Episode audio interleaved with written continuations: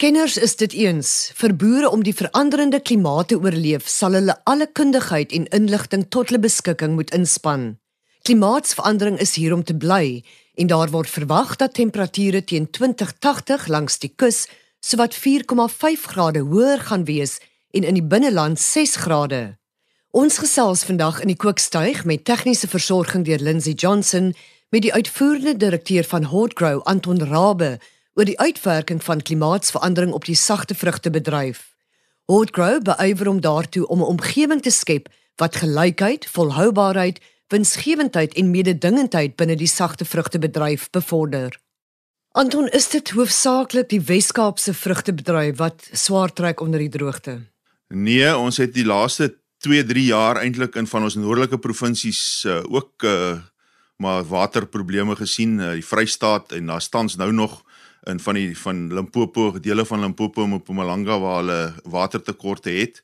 Ehm uh, maar omdat ons basies gekonsentreer is hier in die Wes-Kaap, uh, is die grootste probleme maar hier. Maar selfs in die Wes-Kaap is daar streke wat uh, geen tot min probleme het of hulle toegang tot ander waterbronne, uh, winterwater wat opgevang is uh, in damme uh, wat hulle deur die somermaande uh, kon help, uh, grondwater in in sommige gevalle. So die die grootste probleme lê maar by die besproeiingsskemas spesifiek rondom die Teewaterskloof, uh, die Bergriviervallei, die Olifantsriviervallei. Uh so dit verskil van streek tot streek van baie groot probleme tot min of geen probleme. Is die toestand hoofsaaklik toe te skryf aan klimaatsverandering? Ek het geen twyfel daaroor dat klimaatsverandering 'n uh, groot rol speel in in die huidige situasie nie. Maar ons het al voorheen droogte uh siklusse gehad. Hierdie is waarskynlik een in 'n 100 jaar en ons hoop die komende winter gaan gaan basies hierdie droogte breek. Uh, maar ons sien hierdie tipe verskynsels van van tyd tot tyd. Maar ek dink ons kan verwag dat ons in die toekoms uh, vir langer periodes uh, droogte siklusse gaan hê uh, wat gebreek gaan word deur vloede en ons sal moet reg wees om wanneer die water daar is om dit te kan opvang. En dan moet ons beter en slimmer werk met die water wat ons het en ook ander bronne ontsluit maar spesifiek ook in die metropool uh, waar hulle sal moet kyk na ander ander waterbronne soos ontsouting en grondwater en so aan. Maar julle is reeds besig met beplanning, langtermynbeplanning. Ja, ons het seker al 15, 20 jaar terug as 'n bedryf begin om navorsing te doen op weer op plantmateriaal op onderstamme kultivars wat uh, met minder water kan klaarkom. Uh, ons uh, kyk na produksietegnieke uh, gebruik van nette, uh, gebruik van grondbedekking om grondvog te bewaar, nuwe besproeiingsstelsels, uh selfs satellietstelsels om om waterbesproeiing, skedulering en so aan uh, meer effektief te maak. En deur die jare het ons geleer hoe om met minder water klaar te kom. Maar ek dink die boodskap is ons kan met minder water klaarkom, ons kan nie met geen water klaarkom nie. Uh so ons is almal in dieselfde boot wat dit betref. Dis nou interessant jy praat van kultivars. Daar word gesê dat boere of sagte vrugteboere slegs sal oorleef as hulle begin om nuwe kultivars te plant. Is dit reeds besig om te gebeur dan? Uh ek dink ja en nee. Uh uh nee in die sin dat ons in elk geval besig is met vervanging. Ons is in 'n langtermynbedryf. Ons vervang 2 tot 4% afhangende van die van die gewas van die vrugsoort uh per jaar en daardie vervanging is altyd nuwe kultivars of of of meer gesogte kultivars. Uh maar ons kyk ook uh, na mutasies in klone van bestaande kultivars wat uh, meer uh wat groot uh, beter produktiwiteit het, uh, groter opbrengste, beter kleur, beter grootte uh ensovoorts. Ehm um, so so dit is in elk geval 'n proses wat deurlopend gebeur. Maar omdat ons 'n langtermynbedryf is, kan ons nie korttermyn aanpassings maak. Ons moet dit oor 'n periode doen en dit gebeur eintlik van self as gevolg van die aard uh, van die bedryf. So dit beteken ons gaan heeltemal nuwe vrugte op die rakke sien binne die volgende 20 jaar of so nie. Ja, ek dink ons ons sal 'n uh, uh, appel sal 'n appel bly en uh hulle gaan dalk van 'n ander kultivar wees, 'n uh, beter aangepaste kultivar of hy gaan op 'n ander wyse geproduseer word met van hierdie nuwe tegnologie wat ons toepas.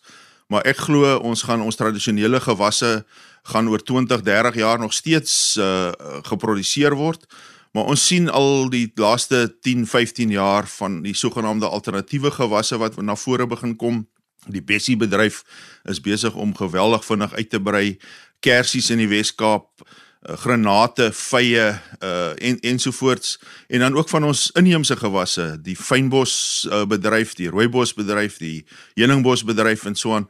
So ons sien 'n diversifikasie wat plaasvind en en produsente wat deurlopend aanpas uh om om by die veranderende omstandighede te kan uh, oorleef. Jy het in 2016 reeds voorspel dat verliese in die sagte vrugtebedryf weens die droogte sowat 720 miljoen rand gaan beloop in daardie tydperk.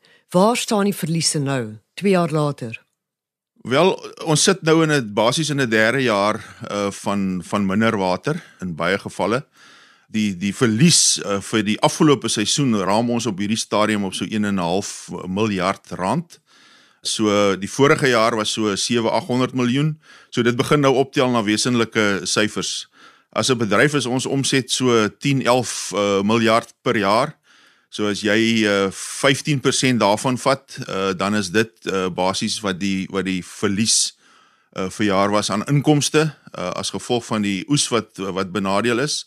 Maar dit kon eintlik ook baie erger gewees het. Die langtermyngewasse, spesifiek sagte vrugte is geprioritiseer ten koste van kontantgewasse, aardappels, eie, tomaties en so so voorts is is heelwat minder aangeplant as wat gewoonlik uh, in die Wes-Kaap gebeur. Anton is dit weens die feit dat sagte vrugte hoër uitvoerwaarde het. Hoekom word dit geprioritiseer? Ja, dit is een van die redes hoekom dit geprioritiseer is, uh omdat dit 'n hoër waarde ware produk is, maar ook omdat dit 'n langtermyn gewas is. Die jy moet die boom aan die aan die lewe hou. So baie produsente het van die laer waarde kultivars het hulle het hulle die oes afgegooi net om die boom uh, te red uh, of hulle het uh, vinniger begin vervang uh, met ouer boorde met van die nuwer meer aangepaste en en hoër waarde uh, kultivars. So uh, ek dink ons as 'n bedryf is eintlik redelik goed gerad as ons nou meer normale weerspatrone uh, kry vorentoe om om vinnig terug te bons en en weer ons uh, potensiaal wat uh, opbrengste betref uh, te bereik. Ja, dis natuurlik die groot ding, gaan daar ooit weer normale weerpatrone wees? Wel, jou jou raaiskoot is so goed soos myne. Uh ek glo ons gaan uh, ons gaan weer tydperke kry van hoë reënval. Uh as jy kyk na langtermyn reënvalsyfers, klimaatsdata en so aan, is daar 'n natuurlike droogte en nat siklusse. Uh en ons is nou net in 'n verlengde droë droë siklus. So uh Ons gaan weer reën kry en wanneer die reën kom, moet ons reg wees uh, met groter damme om seker te maak ons kan die water opvang. Ek sê altyd die Jojo tanks wat mense by hulle huise in dorpe en stede aangebring het. Ons het net baie groot Jojo tanks op plase en ons moet ons, ons moet nog 'n paar Jojo tanks opsit om om wanneer die water daar is uh, dit te kan opvang. Is daar minder vrugte op die rak? Het die gehalte van vrugte op die rakke verswak? Nee, ek ek dink nie die gehalte van die produk is noodwendig uh vreeslik beïnvloed nie. Ons het uh kleiner vergrootte gehad. Uh, so die verspreiding van die produk na verskillende markte is is definitief uh geraak. Uh maar ons het oor die jare het ons was ons redelik gebalanseer tussen uitvoere en die en die plaaslike mark. So ja, ek dink daar is waarskynlik 'n bietjie minder minder produk en as daar minder produk is, gaan die prys gewoonlik 'n bietjie op en ek dink ons kan dit ver, verwag nou dat die seisoen basies agter die rug is. Uh daar gaan 'n bietjie minder produk in elk geval beskikbaar wees. Uh dis natuurlik uh, soos wat ons uit die seisoen uit beweeg. Uh maar daar gaan produk op die mark wees. Jy het baie opwindende nuus oor die terugkeer van die nageslag van daardie eerste appel wat glo in die Kaap die goeie hoop gepluk is. Dis reg ja, ons uh, van ons uh, lede uh, Troekyp groep uh, spesifiek uh, het 'n bietjie gaan navorsing doen en hulle het die oorspronklike eerste appel wat in wat in die Kaap geplant is uh, net na Jan van Riebeeck uh, geland het, uh, het hulle die materiaal gaan opspoor. Dit staan in kwarantyne, die sogenaamde witte wynappel. Uiteraard lankal nie meer kommersieel verbou word nie. Uh, maar ons is opgewonde dat uh, wanneer hierdie materiaal een of ander tyd volgende jaar uit kwarantyne kom, gaan ons bome maak en ons gaan dit op 'n paar plekke in die bedryf plant en hopelik ook in die botaniese tuin waar dit oorspronklik gestaan het. So dit sal interessant wees om te sien hoe dit uh, in die volgende jaar of 2, 3 verder ontwikkel. Nou Matthie, ons sien uit na die terugkeer van die witte wynappel. Dit was Holtgrow se uitvoerende direkteur Anton Rabbe. Albert Einstein het gesê: "’n Tafel, 'n stoel, 'n bak vrugte en 'n viool. Wat meer het 'n mens nodig om gelukkig te wees?" Mag ons sagte vrugtebedryf nie net oorleef nie, maar van krag tot krag gaan. Die reeks word ondersteun deur die Wes-Kaapse Departement van Landbou. Ons groet. Onthou, die aarde is kosbaar. Kom ons bewaar dit.